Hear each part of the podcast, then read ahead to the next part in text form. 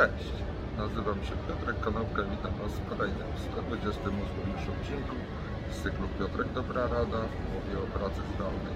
Dzisiaj bardzo nietypowo, żeby pokazać, że praca zdalna funkcjonuje. Dzisiejszy odcinek nagrywam z Centrum Arkadia w Warszawie, a- a ten odcinek będzie poświęcony temu, że właśnie minęło 6 miesięcy, odkąd po raz pierwszy siadłem przed smartfonem i odkąd po raz pierwszy nagrałem e, pierwszy odcinek z cyklu właśnie Piotrek Dobra Rada. I dzisiaj chciałbym powiedzieć kilka słów, jak ten projekt się zaczął i co się z niego zrodziło. W momencie, gdy mm, zaczęła się pandemia i gdy pojawił się lockdown, to w czwartek po dwóch tygodniach tego lockdownu doszedłem do wniosku, że pojawiło mi się trochę czasu, ponieważ nie trzeba było jeździć na spotkania, nie trzeba było dojeżdżać na te spotkania. Postanowiłem, że powinienem zacząć się dzielić wiedzą na temat pracy zdalnej, ponieważ rozumiem jak to działa, rozumiem jak to funkcjonuje. Sam pracuję właściwie od 2009 roku zdalnie. Dodatkowo było tak, że zarządzałem, zarządzam pracownikami, którzy pracują zdalnie. To postanowiłem w ramach tej posiadanej wiedzy podzielić się trochę tym, e, co mam w głowie, jakie mam doświadczenia, tak żeby innym było łatwiej, zwłaszcza w tym trudnym momencie, kiedy e, wszyscy w bardzo nietypowy sposób trafili dosyć przymusowo na tą pracę zdalną. No i w związku z tym e, w 26 marca rozpocząłem cykl, który nie przypuszczałem, że tak długo będzie funkcjonował.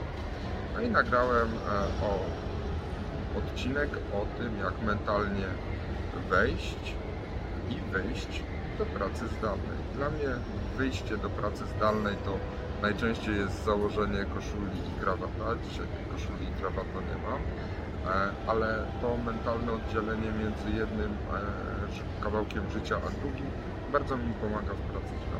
I tak narodził się pierwszy odcinek, później drugi, trzeci. Po drodze dostawałem masę feedbacku na temat tego, z jakich narzędzi powinienem korzystać, o czym powinienem mówić, co powinienem poprawić i tak dalej, i tak dalej. Gdzieś po drodze chciałbym podziękować Jędrzejowi Paulusowi i e, Krzyśkowi Wojewódzcowi za to, że pomogli mi rozwinąć się od strony podcastowej. Chciałbym podziękować Tomkowi Rudnikowi za to, że na samym początku też mi kilka rzeczy podpowiedział. Chciałbym podziękować e, Rafałowi Ferberowi, który e, bardzo mnie wspiera mentalnie w produkcji tych e, filmów. Ale co z tego się urodziło? Z tego się urodził cykl, dzisiaj właśnie jest 128 odcinek. Nagrałem, tak jak policzyłem, prawie 650 minut, prawie 11 godzin.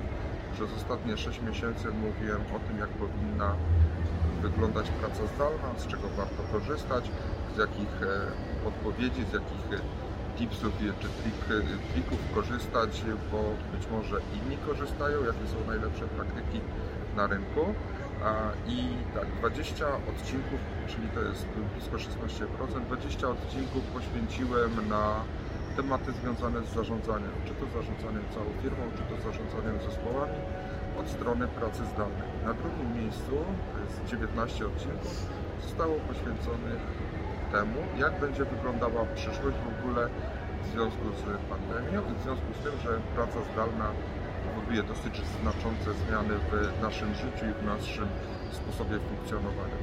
Na temat właśnie tips and tricks e, to poświęciłem temu 16 odcinków.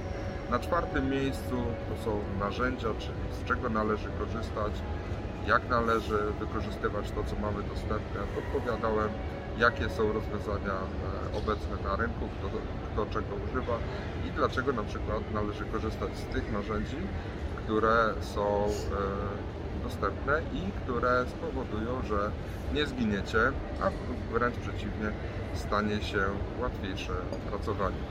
Także pierwszych cztery miejsca to jest zarządzanie, przyszłość, tips and tricks oraz narzędzia. Na dalszym miejscu są biura, produktywność, well-being, kultura organizacyjna, rekrutacja, podstawy w ogóle pracy zdalnej, czyli dla takich nubisów, dla takich noworyszy, samorozwój, dyscyplina. Opowiadałem też o tych innych firmach, które pojawiają się na rynku oraz najmniej mówiłem na temat komunikacji, bo komunikacji poświęciłem tylko trzy odcinki. Co mi to dało? Ten cały cykl Kilka Dobrej Rady, to mi dało to, że nauczyłem się produkować materiały, nauczyłem się produkować content.